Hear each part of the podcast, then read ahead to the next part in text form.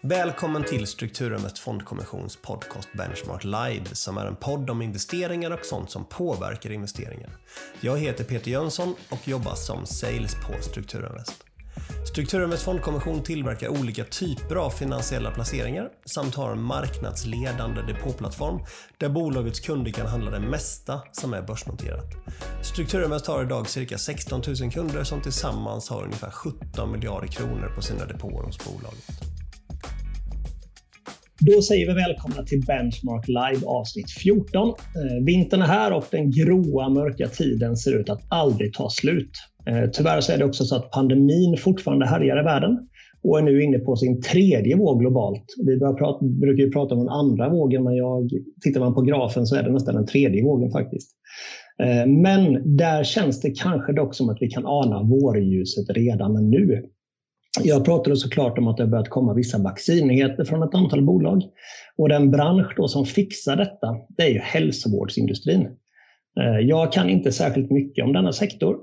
Och för att lära mig lite mer om detta nu så har jag med mig förvaltaren till Sea Worldwide Healthcare Select som heter Mikael Svensson. Välkommen till Benchmark Live. Tack så mycket. Hoppas allt är väl med dig när vi sitter i varsitt hemmakontor. Ja, det är ju det är lite märkliga tider det här att man sitter hemma och jobbar men man har ju fått anpassa sig. Men det jag tycker det är extra svårt den här årstiden när det är så mörkt.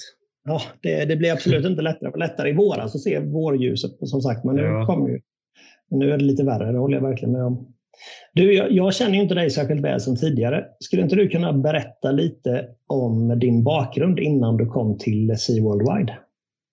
Absolut. Så att, eh, eh jag har varit på Sea Worldwide väldigt länge, eh, i 20 år ungefär. Okay. Och innan dess så pluggade jag faktiskt på Handelshögskolan så jag har en fördjupning inom finansiell ekonomi. Eh, jag har haft ett aktieintresse sedan gymnasietiden då jag började köpa aktier själv och investera och sen under handelstiden satt jag mycket i börsrummet och lärde mig aktiers upp och nedgångar och allt som sker. Så att i kort, men jag har bara haft en arbetsgivare sedan jag slutade. Ja, Okej, okay. ja, då trivs du väldigt väl på Sea Worldwide. Ja, det har varit en fantastisk resa. Så att jag började faktiskt jobba på dåvarande Carnegie redan 98 medan jag fortfarande pluggade så att då började jag jobba extra där. Okej. Okay. Och, och, du förvaltar idag en hälsovårdsfond. Varför blev det hälsovårdssektorn? Har det varit det alla de 20 åren? Ja, det har faktiskt varit det. Så att, eh, Carnegie eh, tog då över en healthcare-fond i början av 2000-talet eh, från SG Cowen i Boston. Och förvaltaren som tog över fonden då behövde någon som hjälpte honom som analytiker och då fick jag faktiskt chansen direkt från skolan att börja med det här år 2000. Jaha. Och då jobbade jag som analytiker i tre år till 2003 och sen har jag faktiskt varit förvaltare sedan dess. Okej. Okay. och Sea Worldwide, fondbolaget, du nämnde någonting med Carnegie. Är det ett Carnegie-ägt fondbolag eller hur ligger det till? Ja, vi, vi grundades redan 1986 och då hette vi Carnegie Asset Management och var en del av Carnegie-gruppen. Sen eh, efter finanskrisen 2009, det var ju mycket debacle kring Carnegie och skandaler där, mm. Eh, så, så köpte ju Altor och Bure upp Carnegie Investment Bank. Eh, och sen valde vi att separera, eller de valde att separera ut själva Carnegie Asset Management ur Carnegie Investment Bank.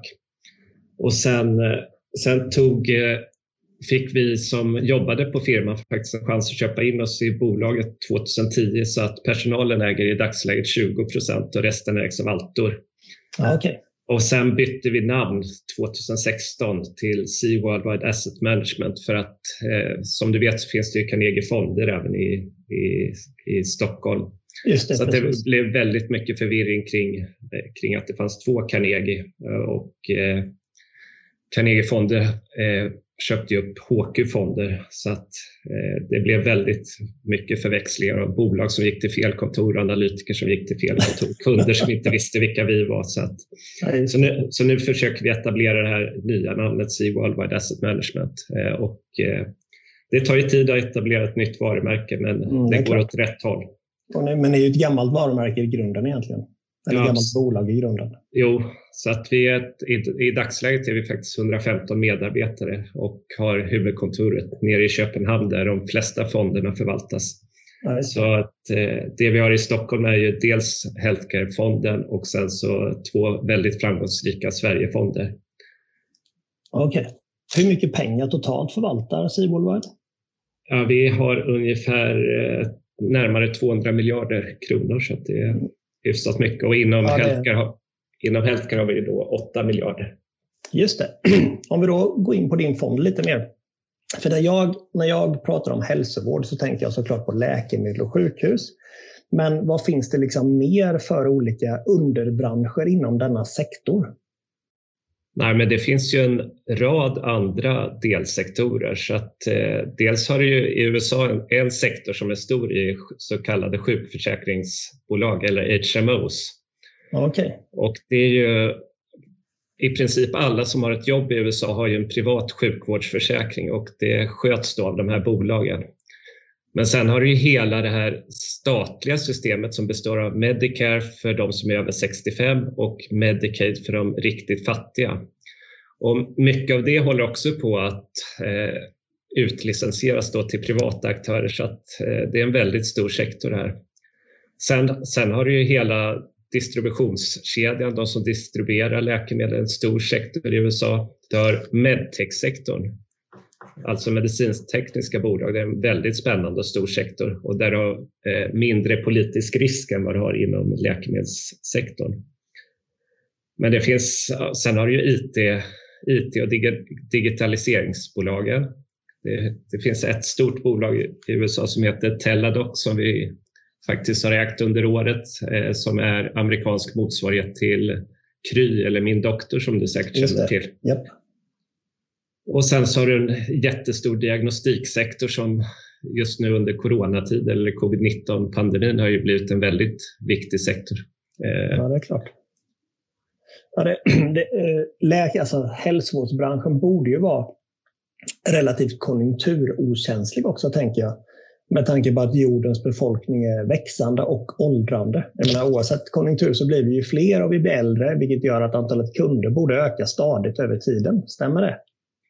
Eh, det är helt korrekt, så att sektorn är relativt konjunkturokänslig och eh, det är en sektor som historiskt och beräknas även i framtiden att växa något snabbare än BNP, ett par procentenheter snabbare. Okay.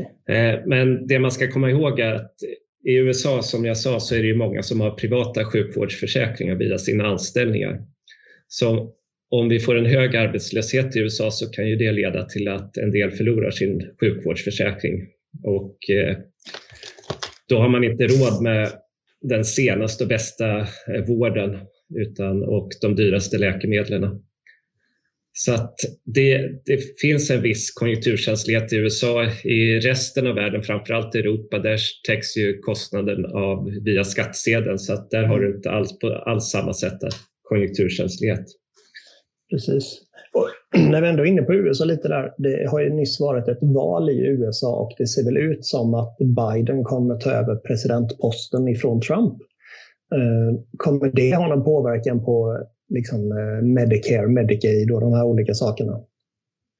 Nej, nej det som man som förvaltare av sektorn hoppas på är ändå att eh, republikanerna ska kunna behålla senaten det är inte riktigt klart ännu som du vet för att Georgia Nej, ska ju ha om, omval då på två senatorer där. Ja. Och det är januari va? Det är början av januari. Ja. Så att, eh, men det bästa för sektorn är ju om du har en delad, alltså att eh, senaten behålls av republikanerna och sen så eh, Biden blir president. För att då, då kan du inte genomföra så drastiska reformer. Så, att, eh, så det är ganska bra nu för sektorn i USA, så som det är just nu? Ja, som det är nu så är det ju perfekt läge. Trump har ju varit ute, Trump var ju ute tidigt och ville gå efter läkemedelsbolagen och i början, så, eller innan han ens var vald, så kallade han ju läkemedelsbolagen för mördare. Man tyckte de var giriga och tog alldeles för höga priser. Och så han, han, har ju försökt gå efter dem men han har inte kommit någonstans för det finns ett starkt motstånd eh, bland andra republikaner som har suttit i senaten. Eh, sektorn är väldigt viktig för USA. Det, den drivs ju av innovation så att eh, jag, tror, jag, jag tror inte vi kommer se några större politiska förändringar där. Det var väl skönt för eh, din fond. Eh, vad har din fond för mandat? Och den heter ju Sea Worldwide Healthcare Select. Kan du inte berätta lite? Vad liksom, är det globalt mandat? Eh, någon fokus på storlek på bolag? Måste de liksom ha mer än en produkt? Måste de vara lönsamma? Hur, liksom, hur tänker ni? Ja, det är, Sea Worldwide Healthcare Select är alltså en nylansering som vi gjorde i maj förra året, 2019. Och innan dess hade vi två fonder. Vi hade dels en som hette Sea Worldwide Medical som var stora bolag framför allt och sen så hade vi en small midcap-fond som jag ansvarade för. Och den fond jag förvaltade gick väldigt, väldigt bra under en lång tid. Men eh, problemet med small mid, om du bara har small midcap är att det blir väldigt volatilt. Mm. Så det gick väldigt bra vissa tider och sen så eh, gick den dåligt under andra tider. Och det gjorde att vi fick väldigt mycket flöden i de tider när det gick bra och du visste att mycket av de här pengarna var korta pengar. Så det var svårt att hantera bara flödena i fonden och då sa vi, vi, vi startar en fond eller vi nylanserar den här Medical-fonden som en mer spännande produkt eh, som vi gör lite mer spetsig så att vi har max 50 innehav. I, i dagsläget har vi 42 innehav och det är en mix av stora, medelstora och små bolag och alla delsektorer då inom hälsovårdssektorn. Just det. Och, och, och sen får man säga att vi är väldigt långsiktiga i vår investeringsfilosofi. Eh, ändras inget i, i vårt investeringscase så, så behåller vi bolaget. Eh, sen kan vi naturligtvis justera eh, positionerna beroende på kursrörelser. Men eh, långsiktiga i, i, i vårt tänk. Ta, exkluderar ni några bolag? Eh, ja, vi har, vi har satt en gräns att inte gå in i bolag som är mindre än 500 miljoner dollar, så att det är ungefär 5 miljarder kronor. Eh, och en anledning till det är att det finns så många bolag ändå att titta på. Det finns över 9000 bolag eh, som uppfyller då våra investeringskriterier. Just det. Sen kan man väl säga att vi har en förkärlek för tillväxtbolag framför eh, valuebolag. Och sen att vi har lärt oss under alla dessa år eh, vilken typ av bolag vi inte investerar i. Det är inte att det är rena exkluderingskriterier, men det finns vissa områden som är svåra att tjäna pengar på. Eh, och jag kan ge exempel på det om du vill. Ja, gärna. Ja, eh, vi var tidigt inne i olika antibiotikabolag och, som utvecklar nya antibiotikaläkemedel.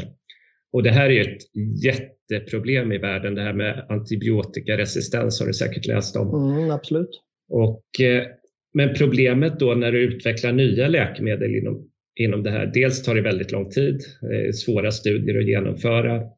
Men sen så då när du kommer ut med ett nytt antibiotika så vill läkarna inte förskriva det i början därför att de vill i början använda billiga generika preparat och sen vill de spara de här nya läkemedlen där du inte har byggt upp resistens tills du får väldigt svåra fall. Så att det här var något som tog tid innan vi förstod och vi gjorde några misstag inom det området. Okej. Okay. Och sen, sen, en annan sak som vi inte går in i är ju tidiga förhoppningsbolag inom biotekniksektorn. Eh, det finns väldigt många bolag som har visat jättefina djurdata på möss. De har botat cancer i möss, men sen så måste man ju ändå se att det fungerar i människa. Och mm. eh, det, det, är en väldigt lång process och att gå in i dem så pass tidigt. Det tar ju tio år i snitt att utveckla ett läkemedel så att vi undviker de här jättetidiga bolagen. Hur hittar ni era bolag? Liksom om du har 9000 bolag så att säga att, att välja mellan. Vad är, vad är det som gör att ett bolag fångar ert intresse? Nej, det, det går ju absolut inte att titta på alla 9000 så att, eh, jag kan inte säga att vi har koll på alla 9000 Nej, som vi skulle kunna investera i. Men eh, man kan väl säga att vi träffar väldigt mycket bolag. Eh, dels åker vi på investerarkonferenser, mycket till USA och sen kommer det faktiskt relativt många bolag till Europa och då väljer man ofta att komma även till Stockholm och anledningen till det är vår historik att det finns väldigt många läkemedels och hälsovårdsfonder som förvaltas ut, ut här i Stockholm. Och sen, sen har du ju att det, det är ett jättestort nyhetsflöde inom sektorn som du vet. Det kommer ju kliniska data i princip dagligen. Och då är, antingen är det ett bolag som vi känner till sedan tidigare som vi då får analysera. Är det här något som förändrar hur vi ser på bolaget? Eller så är det ett helt nytt bolag som vi kanske måste titta mer på. Då. Sen träffar vi mycket analytiker, eh, diskuterar idéer och bolag som de har sprungit på. Och sen har vi något som är rätt unikt för vår fond. Vi har ett vetenskapligt råd i ett, i ett samarbete med Karolinska institutet. Så det är åtta professorer där som vi träffar en gång i kvartalet. Och eh, då inför de här mötena så förbereder vi ett tjockt material till dem, eh, runt 15 ämnen ungefär, som vi då sitter och diskuterar under en halvdag. Så att det kan vara allt från att vi har sprungit på det här nya spännande biotechbolaget till AstraZeneca har haft en forskningsdag. Vad tycker ni om deras pipeline? Eh, och sen slutar vi de här mötena med att professorerna då får berätta om de har sprungit på något som de tycker är relevant och intressant från forskningssidan. De åker ju på väldigt, väldigt mycket konferenser. Precis. Och det, det lite så feet on the ground nästan. Ja, och eh, det, det, finns ju många som har ett forskningsråd eh, knutet till sig, men vårt är rätt unikt i och med att vi har åtta professorer och Två har vi tappat under åren på grund av hälsa, eh, men eh, annars har rådet varit intakt. Och eh, sen går faktiskt en del av förvaltningsavgiften går till en forskningsstiftelse då på Karolinska så att vi är med och bidrar då, eller de som investerar i fonden är med och bidrar till svensk tidig forskning, vilket jag tycker är behjärtansvärt. Ja, verkligen. Eh, om vi tittar geografi då, finns det något geografiskt fokus eller är det en, liksom en global fond? Eh.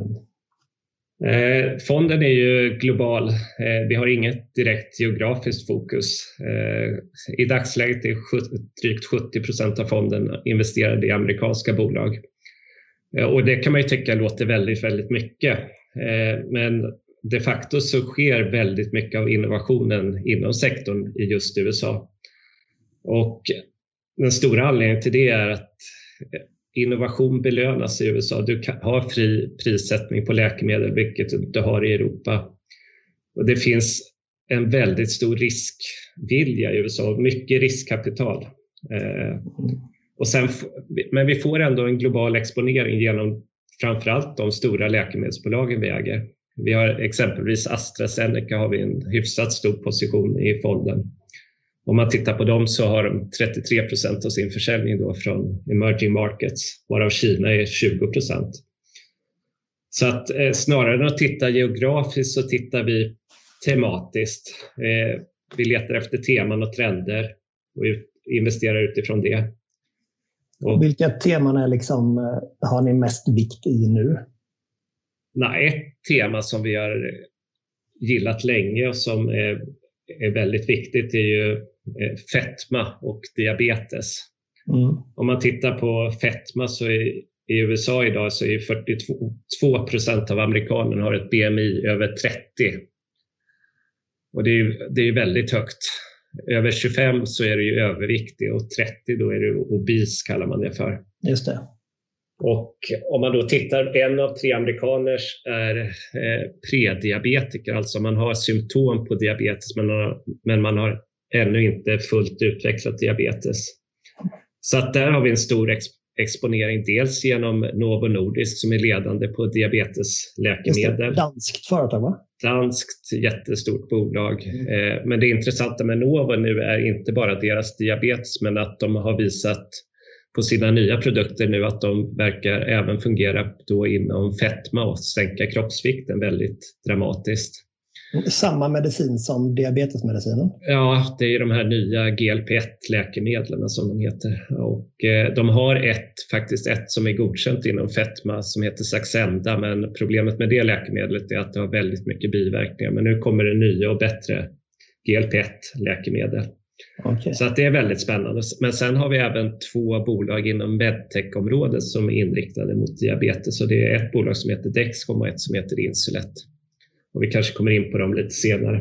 Ja, men jag tänkte när vi gått igenom lite mer ramarna för din fond egentligen så kan vi prata lite mer om om du har några tips på fantastiska bolag som du äger i din fond. Mm.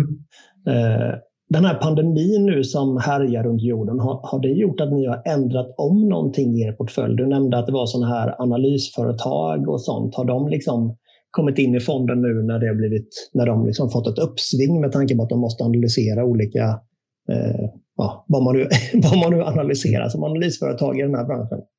Ja, nej, nej, men det, det vi gjorde i fonden var ju att vi, vi fick ju en kraftig börskorrektion där i mars, april. Precis. Och eh, det vi gjorde då var att vi ökade upp i en del bolag som vi tyckte hade fallit alldeles för mycket. Eh, så att det gjorde vi då.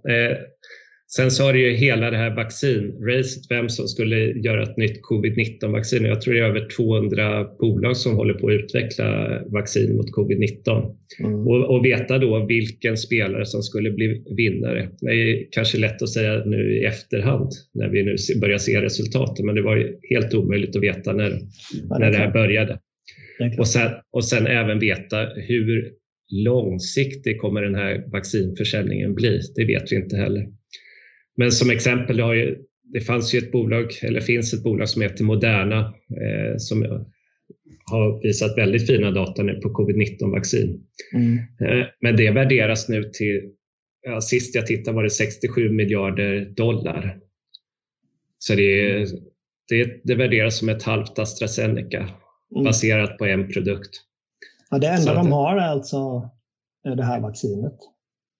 Ja, de har ju andra produkter men de är ju väldigt tidiga i utvecklingsfas så det är ja, må många år bort. Men, eh, så att eh, en stor del av värderingen kommer ju då på, på just eh, covid-19-vaccinet. Just det, jag på att ni inte äger Moderna då? Nej, det, vi ser ju dumma ut så här i efterhand, men vi, vi valde faktiskt att stå utanför. Men vi köpte faktiskt ett diagnostikbolag okay. som har dragit väldigt nytta av eh, covid-19-krisen. Och det är ett bolag som heter Kaidel, ett amerikanskt bolag.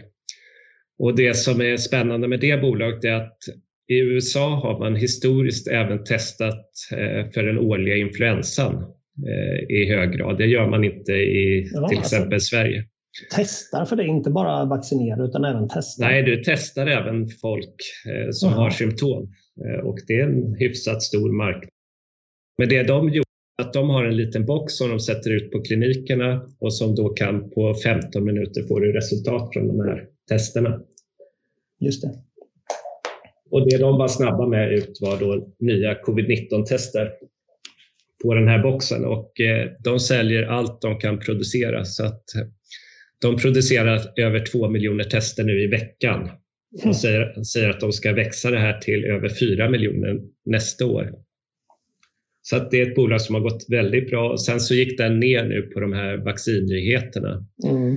Men lyssnar man på bolag så tror ju de att det här är ett paradigm, paradigmskifte för hur mycket tester vi kommer göra framöver. Jag kan hålla med om det. Mm. Eh, jag tror vi kommer bli väldigt mycket bättre på att testa för väldigt många olika saker. Och de har en rad olika tester för de här maskinerna och har blivit nu en väletablerad spelare i det här fältet. Och eh, nej, det, det är ett väldigt fint bolag. Ja, det känns ju mer långsiktigt att satsa på de som testar för olika sjukdomar med tanke på att det kommer i framtiden också väldigt många olika sjukdomar gissar på jämfört med ett bolag som bara har ett vaccin mot en sjukdom som förhoppningsvis kanske inte kommer tillbaka inom överskådlig framtid. Absolut, och eh, det de har på väg också nu är att eh, lansera det här för hemmarknaden och det kommer ju framförallt, eller först komma till USA. Mm. Så att du köper hem en sån här liten, liten box och sen så kan du gå till din, ditt lokala apotek och köpa ett test och testa det hemma så att du behöver inte ens besöka sjukvården. Mm. Så att det, ja, det är spännande det som sker inom det området. Ja, det låter verkligen som. Eh, du nämnde också någonting om eh, vad sa du, vad sa du, IT-bolag och teknikbolag och sånt. Jag såg på er mm. innehavslista så fanns det väl, jag tror att det heter, heter Intuitive Surgical. Intuitive Surgical.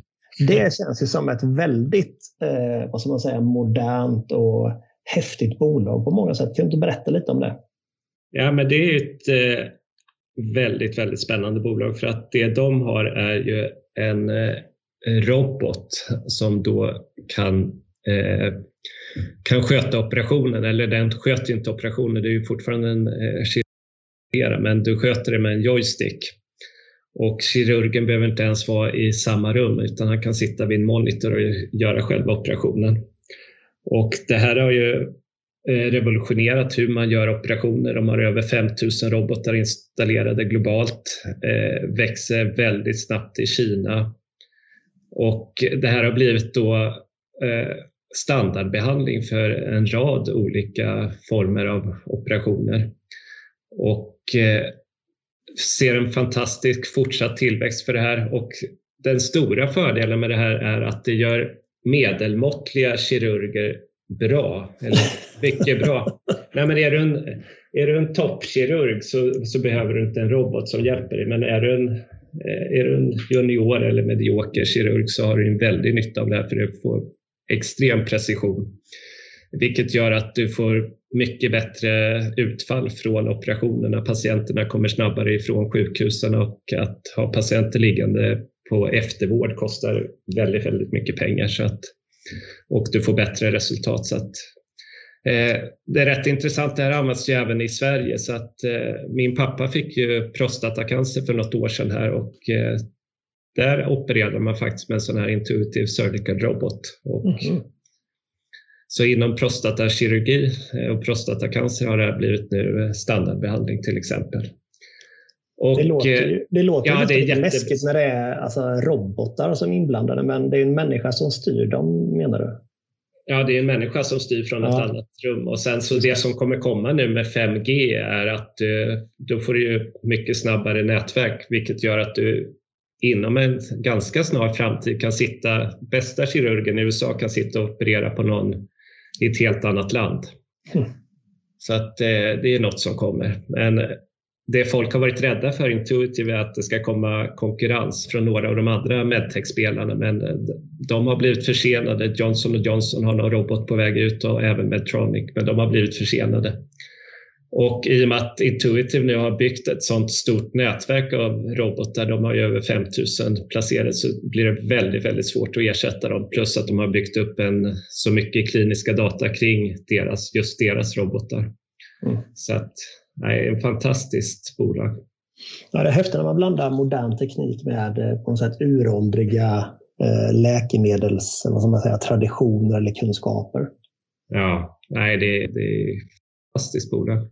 Har du något mer sånt eh, häftigt bolag innan vi går in och pratar lite mer om just covid-19 som jag tror att du kan bättre än de flesta av oss? Nej, men jag tycker ju de flesta bolag vi äger är väldigt, väldigt spännande. Men det är klart.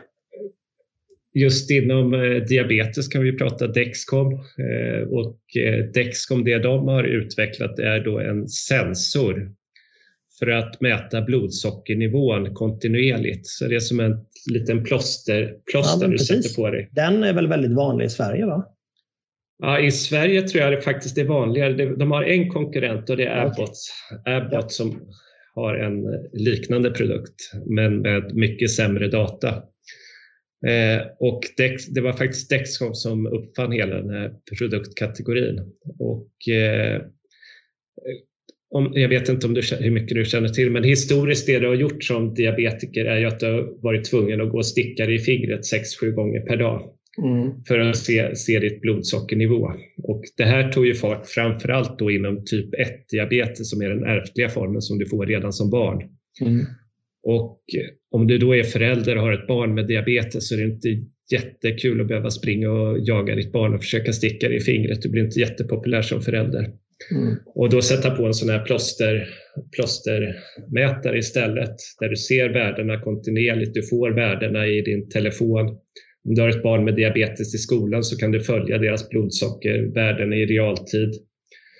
Eh, och då ringa till skolan. Ja, men nu har mitt, mitt barn eh, för högt blodsocker. De har glömt att ta sina sprutor eller nu är det alldeles för lågt. Nu måste de äta något. Mm. Så det här är en oerhörd trygghet och även på nätterna så larmar ju den här om något skulle hända med din blodsockernivå. Så det här har ju framförallt tagit fart bland typ 1 men det växer även nu inom typ 2 diabetes som är en gigantisk marknad och det som kommer komma nu och kommer komma ut redan nästa år är faktiskt att man integrerar det här med en insulinpump. Och där har vi en annan investering i ett bolag som heter Insulet.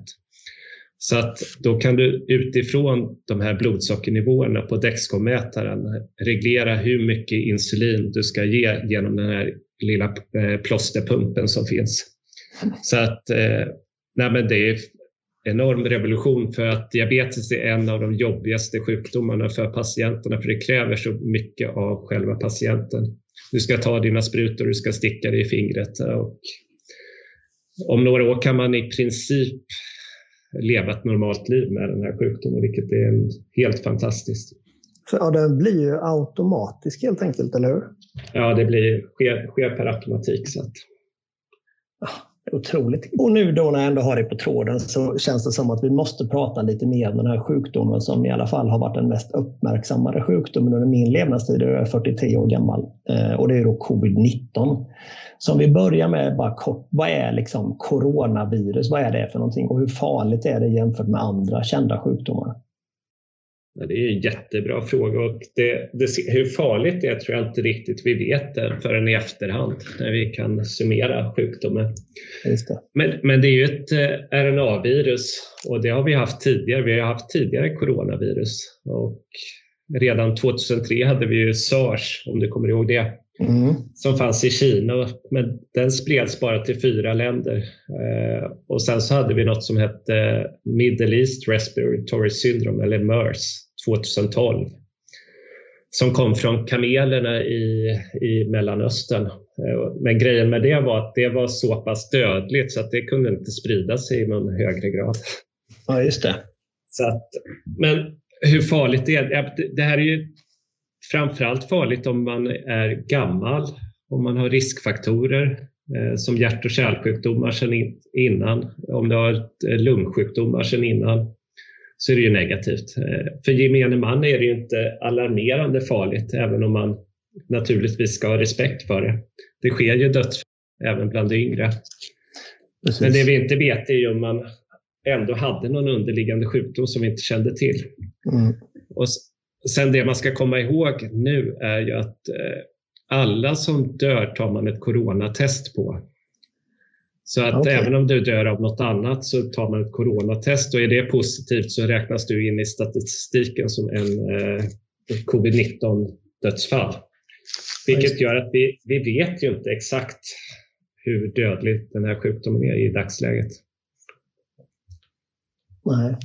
Eh, en annan sak att nämna är det här med lång covid och det är ju något kanske du har läst om. Men det Nej, är, vad är det? Nej, men det är ju de som, det har ju varit en del reportage i tidningar, de som får långvariga följder av sjukdom. De känner, de känner sig inte friska, de har gått flera månader och feber som kommer och går och svårt att andas. Så att, eh, det där är ju något man får vara uppmärksam på. Och, eh, men vi vet ju inte hur stor den här patientpopulationen är. Eh, jag läste någon studie från England där de hade kört en app på över 5000 som hade haft eh, covid-19 där de då skulle rapportera in symptom efter åtta veckor och då var det 20 procent som sa att de fortfarande hade symptom. Mm. Men det vet man inte.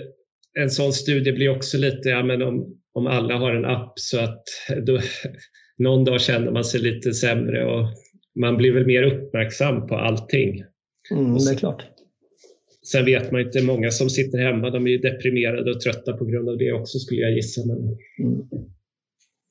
men det är mm. absolut, det vi vet är att vissa får ju lungcoronan och det är ju framförallt de som har varit riktigt sjuka och eh, förmodligen är en del av det irreversibelt. Alltså att de får aldrig tillbaks full lungkapacitet så det är allvarligt nog. Just det. Nu verkar det då som att eh, det är på gång vacciner och det har ju gått väldigt fort. Du nämnde tidigare att tio år brukar det ta att ta fram ett nytt läkemedel, men nu tog det mer eller mindre sex, sju månader. Vad, liksom, hur är det möjligt? Nej, men det, den stora anledningen till det är ju att man har plöjt ner pengar inom det här området. Eh, USA hade ju något, eller har något som de kallar Operation Warp Speed som man satte upp tidigt för att då utveckla dels läkemedel men även vaccin eh, för just covid-19. Och där plöjde man in direkt 10 miljarder dollar i, det här mm. systemet. Är, är det, man, bara en fråga där, är 10 miljarder dollar mycket pengar? Ja, det är väl relativt mycket när det kommer så direkt från, eh, från government. Och det ja, har man ju sen jag tänker på liksom, eh, varför gör man inte likadant då med att bota cancer? Förstår du jag menar? Är 10 miljarder dollar, räcker det så att säga för att skapa en riktigt bra medicin? Eller, eh, nej, men, nej, men, otydlig? Nej, men det är inte alla pengar som har gått in i det här. Sen så är läkemedelsbolagen själva plöjt ner väldigt många miljarder i det här, så det är ju en del. De har ju fått delfinansiering av de här Operation ja. Warp ja. Eh, och sen det man också gjorde var ju att man tillät att du behövde inte göra fas 1 först och sen så gjorde du fas 2 och sen fas 3. Det är så du normalt utvecklar läkemedel. Mm. För de som inte har hört talas om de olika faserna innan, bara liksom, hur, på vilket sätt skiljer de sig? Nej, men fas 1 då testar du om det är ett säkert läkemedel och sen i fas 2 gör du en mindre studie och tittar, ja men ser det ut som vi har någon effekt? Och eh, fas 2 då positivt, ja vi verkar ha någon effekt, då går vi vidare och gör en stor fas 3-studie. Utan här körde man i princip allt parallellt. Du gjorde en väldigt snabb och kort fas 1-studie och sen körde du direkt in stora fas 2-3-studier på 30 till 40 000 människor. Och samtidigt, innan du visste resultaten så började du med produktion och det är ju något som du normalt gör, mhm. skala upp produktionen. Det brukar du ju göra först när du vet om ett läkemedel fungerar. Mm. Här gjorde man också det direkt.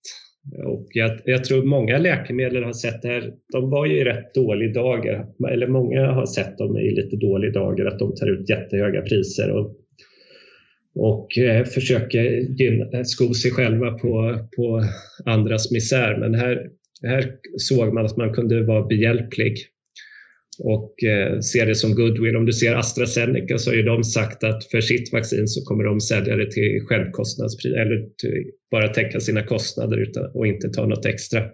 Ja, just det. Däremot har ju Pfizer, Biontech och eh, Moderna sagt att de ska tjäna pengar på det. Det är en sak jag har tänkt på ofta. Det är inte ofta jag hos läkaren, men ibland är jag hos läkaren och får någon form av medicin. Mm. Eller även om man köper till exempel en huvudvärkstablett. Då säger ju apoteket eller läkaren, det finns det här läkemedlet och sen så finns det också det här som är en kopia som kostar sig 20 procent av originalet. Mm. Eh, jag då brukar jag, så länge det inte är för mycket pengar såklart, så brukar jag alltid ta det dyraste läkemedlet. För jag tänker att det gynnar de som uppfann läkemedlet. Eh, alltså är det, är det en tokig tanke att försöka gynna dem som försöker forska fram läkemedel istället för att gynna dem som kopierar redan uppfunna läkemedel? För jag tänker att om ingen då gynnar de här som forskar fram nya läkemedel så kommer de inte ha råd att hitta nya botemedel och läkemedel för det som kommer i framtiden. Det är väldigt behjärtansvärt av dig att göra så. Men... det vet jag inte. Men, men liksom, det, det, man ska komma ihåg är ju att eh, generika kan ju inte lansera förrän patenten har gått ut. och, det är... och det är, du får ju 20 års patent. Eh, ja, när, men, men grejen är att ofta tar det ju cirka 10 år att utveckla ett läkemedel så då har du 10 år kvar på dina patent när du väl lanserar. Eh, och på de åren ska du då tjäna in alla pengar, dels på det läkemedlet men du ska även tjäna in då på allt, alla produkter som har, har misslyckats på vägen. Mm. Så det är väldigt många, många produkter som aldrig kommer till marknaden därför att de misslyckas i kliniska studier. Ja, det är klart. Men, eh, men alla de här kliniska studierna är på människor? Ja, absolut. Innan okay. det så gör du ju försök på på djur. Just det, och det kallas preklinisk studie. Prekliniska studier. Ja. Någonting som eh, gör att man blir kanske lite nervös då när det gäller vaccinering det är att för ungefär tio år sedan, 2009, så var det många i världen och Sverige också som vaccinerade sig mot den här svininfluensan.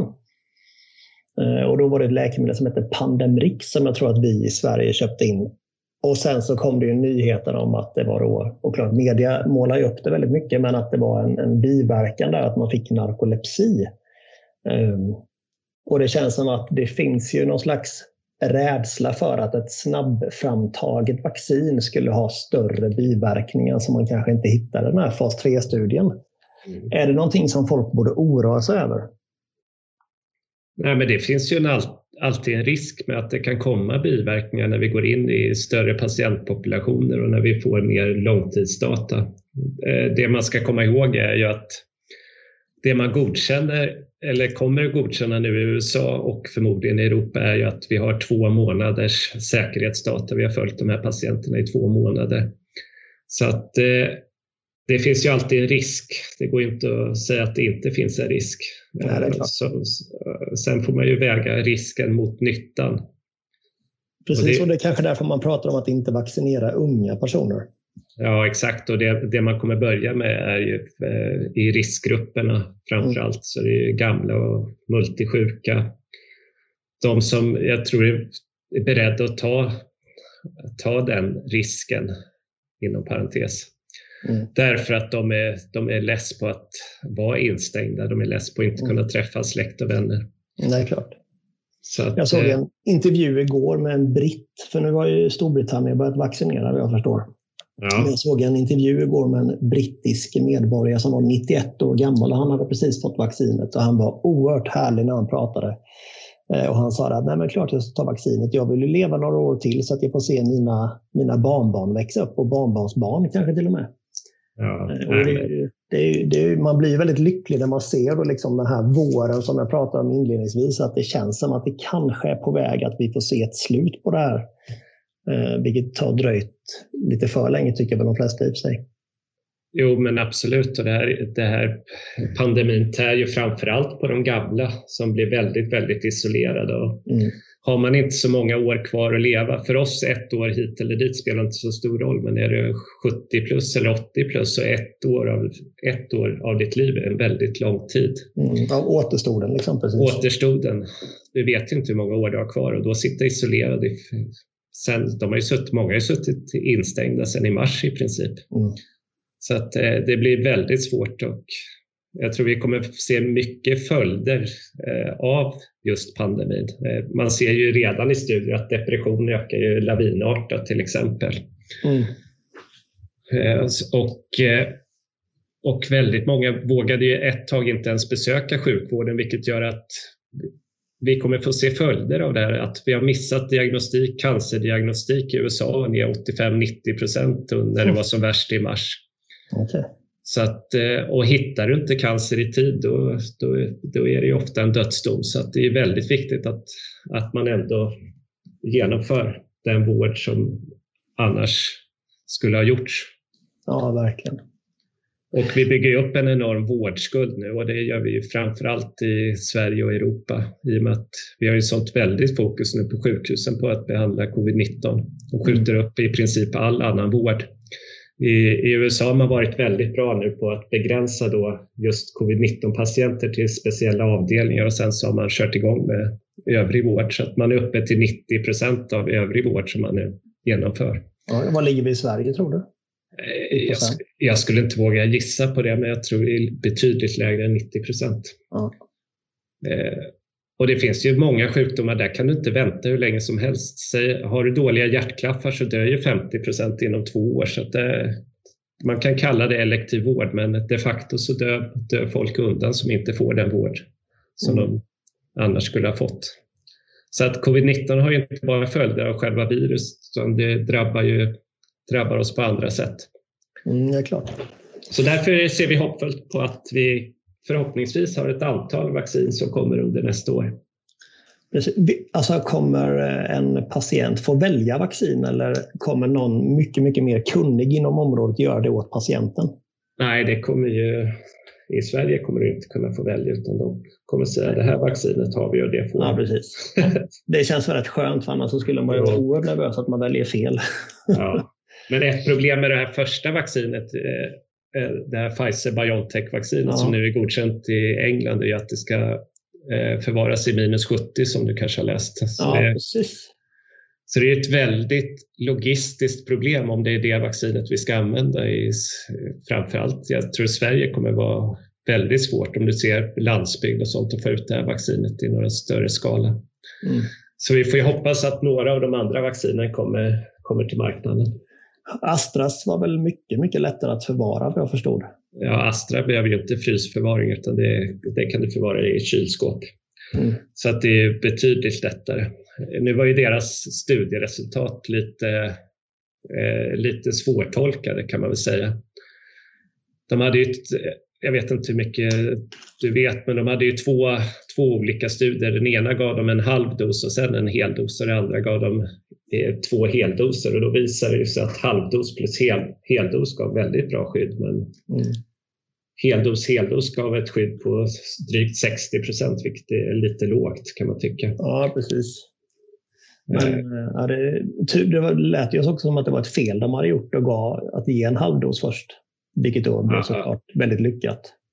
Ja, sen, men bolaget hävdar ju att det inte var fel utan att de okay. tänkt, tänkt att göra så. Men, eh, ja. men, men sen går det inte att jämföra riktigt med de här Pfizer, Biontech och eh, Moderna vaccinen för att det de testade när de säger att de skyddar i 95 procent av fallen var att så fort du hade symptom så tog de ett test på det. Till skillnad från Astra där man testade alla patienter veckovis eh, oavsett om du hade symptom eller inte, vilket gör att förhoppningsvis har de eh, lyckats få med i sin studie även de som är asymptomatiska, alltså de som har viruset men inte har några symptom. Mm, det klart. Och, och, det har vi ingen aning om Pfizer eh, och Modernas vaccin, om de även skyddar mot asymptomatisk sjukdom. Ja, just det. Så att det, ja, det är mycket. Om du får gissa på ett eh, datum, nej det behöver inte vara, men månad eller kvartal kanske. Oj. När man pratar om den här med, det här med flockimmunitet, det vill säga när skulle vi kunna tänka oss att börja leva som vi har gjort de sista liksom, åren? Ja, det där är en jättesvår fråga. Det är därför jag ställer den till dig. Ja. Nej, men jag, jag, skulle säga, jag tyckte vi levde ändå hyfsat normalt i somras när viruset ändå gick ner. Mm. Så är det ju. Och eh, nu har vi ju en andra våg i Sverige. I USA är de inne på sin tredje, tredje våg och det ser ju riktigt illa ut just nu. Men jag tror att eh, det här kommer ju klinga av framåt våren igen. Eh, och eh, om man ska gissa en tidpunkt så förhoppningsvis har vi något vaccin ute då i början av nästa år och kan börja vaccinera folk. Jag tror innan stora massan på vaccin är vi nog inne åtminstone framåt sommaren. Eh, och så att framåt nästa höst någon gång förhoppningsvis kan vi väl leva eh, lite mer normalt. Det känns ändå skönt. Ja, men det, känns, det tycker jag var positivt. Det var härligt. Eh, för det innebär att nästa jul så kommer man kunna fira en sån här stor härlig familjejul som man har gjort de sista åren. Ja, Vilket det förmodligen då inte blir i år. Nej, inte i år. Och jag, jag tror tyvärr att våren, att vi kommer inte se så mycket förändringar på hur vi beter oss till våren. Där, därför att det kommer ju ta tid innan vi har fått ut vaccin till de stora ja, det är klart. Det är klart. Så att, eh, men det, det, det, vi kan hoppas är ju att i alla fall den här andra vågen, att den pikar snart. Att eh, vi börjar se lite ljusning på den fronten i alla fall. Det hade varit oerhört skönt tycker jag. För nu är det rätt grått både i nyhetsflödet, i vädret och covid-nyhetsflödet också. Ja. det är liksom inte mycket som får en att le varje, varje sekund på dygnet. Nej, nej, jag tycker man saknar det här att umgås med folk och ut och, re, ut och resa.